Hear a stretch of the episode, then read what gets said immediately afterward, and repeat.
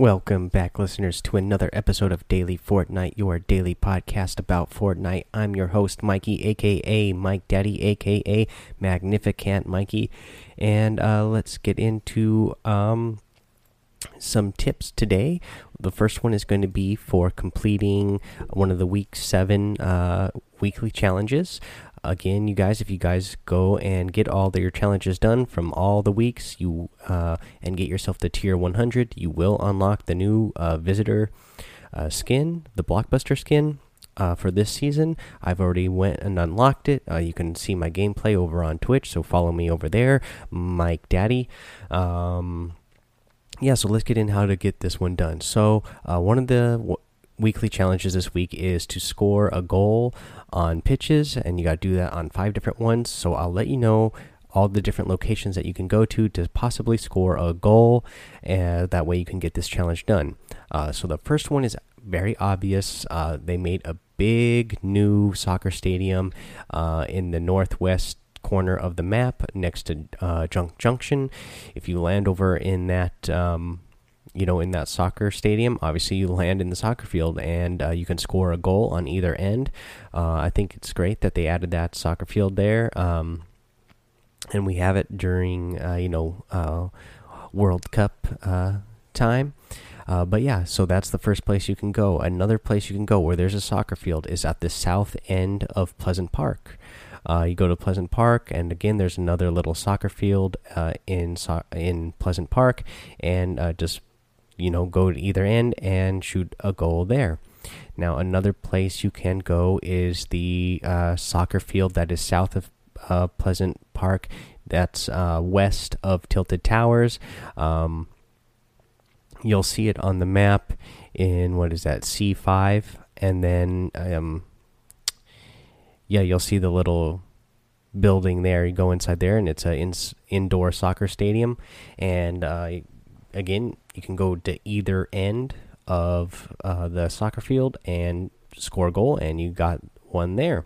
Uh, another one can go to is Risky Reels. Now you land um, behind uh, the projector screen, um, and when you land behind there, uh, there'll be a soccer ball back there, and uh, there'll be kind of like I want to say, it's like um, I don't remember what they have set up there. It's like a swing set or something, but it's a it'll look like an obvious thing that you know uh, people you know when you were kids you know you would make your own goal. So it's like you know either trash cans or swing set. I can't remember exactly, but um, it'll be pretty obvious. It's, it's against the fence behind the projector screen. Shoot the ball between that uh, between those two points, and you got yourself another goal. Um, another one you can go to is uh, just north of Retail Row in the um, container depot area. Um, go to the parking lot that is on the east side of of the um, container depot there, and uh, you'll have there'll be a soccer ball, of course, and then uh, there's going to be uh, some containers there that are in uh, the parking lot, and you use those as your goals to shoot the ball in. Let's see here. What else do you get? Uh, there is one in Fatal Fields. Uh, if you go to Fatal Fields, uh, go to the northeast side of Fatal Fields, and there's a little. Um, there's like a farm there that has been turned into a soccer field.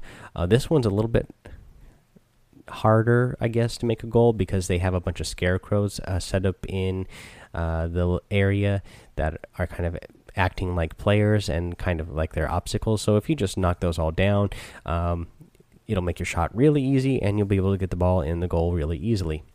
Uh, so let's see here. I covered one, two, three, four, five, six so far, and you only need to get five for this challenge. But there is one more actually uh, at Flush Factory, so this will give you seven options. So if you go to Flush Factory, um, it's in the parking lot as well, and there'll be two toilets set up, and uh, you shoot the ball between the toilets, and you will uh, get yourself another uh, another goal and there are seven options for you to complete that challenge. Again, uh, hopefully this will help you. Um, get those challenges done. Again, you can see me get these challenges done. Uh, something happened on my uh, Twitch when I was when I was streaming Fortnite uh, the other night. Uh, there was some sort of error code that came up when I was playing Fortnite, so it stopped the broadcast. So I think you have to watch it over two separate videos. Uh, but I already unlocked the visitor skin, so you can see me get all these challenges done. And actually, in some of those Twitch videos, I am I brought up, you know, how to get. Uh, some of those other challenges done as well. I'll bring you them daily here. I'll go through them uh, one at a time uh, throughout the week. But if you follow me over on Twitch too, you, you'll see me get them all done. So you'll also get that added visual as well. So let's see here. So we have that. And then actually today for the daily tip, uh, we have another tip from a listener. Uh, this one comes in from Wave Rider 368 again. Thank you, Wave Rider, for sending in a tip. I'm going to use it today. I've had a long few days at work.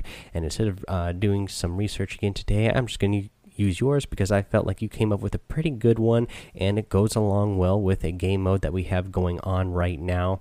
And um, it's one that I hadn't thought of. So let's get into Wave Rider's tip. Uh, I'm just going to kind of parse over it real quick and um, make it a little bit shorter. So he says, uh, this and this can particularly uh, pertain to playing uh, the uh, sniper mode that we have going on right now. So he says, uh, whenever you have the sniper and you're somewhere near a house or in the house, and a player a player is firing at you, you can run inside uh, into the house or run inside a room, and you know leave that door open. And then he says, camp in the doorway, and if he follows you, he should be wedged in the door. He won't be jumping or moving side to side, just charging straight at you. So you should at least get a body shot when. Uh, you should yeah he says you should at least get a body shot and then their health will be uh, low enough uh, that you should get an easy elimination after that. Um, let's see here. Uh, yeah and that came again from wave rider 368 so thank you for sending in another tip uh, and a little story to go along with it. Sounds like he has used this method in the past. And again, with the uh, sniper uh, game mode, limited time mode, the game that we have right now, I think is a good one to use. Again, uh, you know, the sniper mode is another good one uh, to use if you still need to get that pickaxe damage done as well. Uh, again, like I said, it only took me two uh, two rounds to get that challenge done. Where you know, when this challenge first came out, I saw a lot of people complaining, saying like, "Oh wow, this is going to be so hard." But no, trust me. Uh, just like myself, like I've admitted here, I'm not great with a sniper. A lot of people aren't great with snipers. So go play this mode just land right next to somebody, they're going to be focusing on picking up that uh, sniper. And you can just start hacking on them with your pickaxe and start getting damage done right away. Even if they do pick up a sniper, they might have a hard time hitting you, uh, and they're definitely going to have a hard time, you know, uh, getting you down uh, in a headshot of close quarters like that. So uh, go ahead and do that. Let's see here. Was there anything else? Uh, no, we didn't have anything else announced from from Fortnite today on Epic or on their Twitter or anything. So no new news uh, to get to. Um, so I think that's all I want to mention for that. Again, I want to thank you guys for uh, downloading the show. Uh, I don't remember if I mentioned this or not, but we actually hit 50,000 um, downloads all time now for the show. So, you know, two and a half months in, well over 50,000 downloads. In fact, uh, right now, as of this recording, we are sitting at 52,794 downloads all time. So that's pretty awesome. Still number one on the Anchor podcast in the game and hobby section. I looked it up today to see exactly where we are in iTunes. So in the iTunes Apple Podcast Store, we are number 34 overall um, for overall games and hobbies across everything.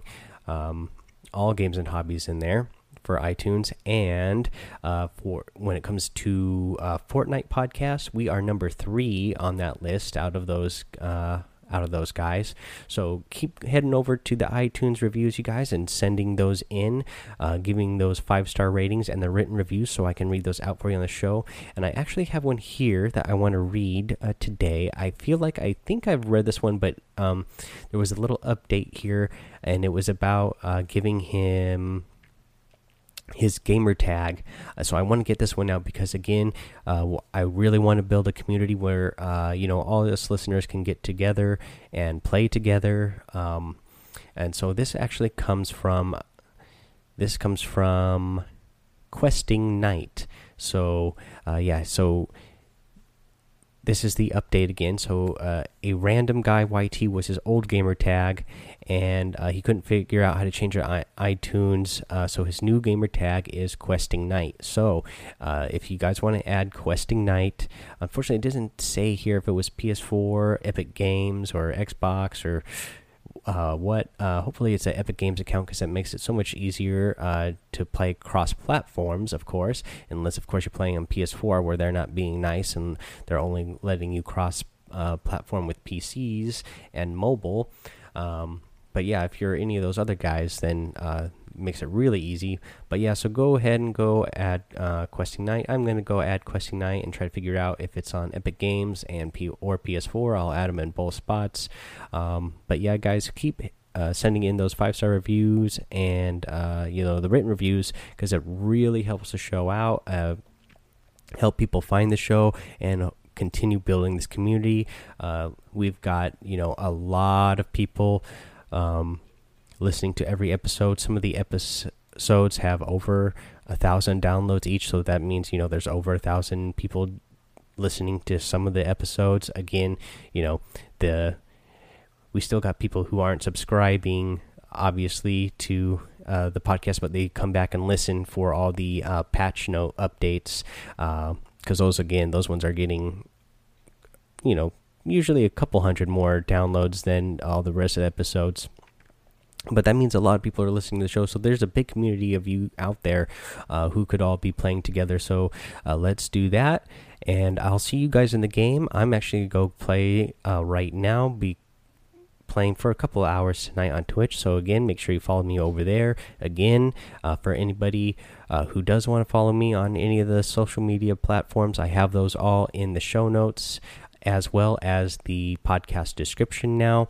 Uh, yeah, so follow me there. Until I see you guys in the game, have fun, be safe, and don't get lost in the storm.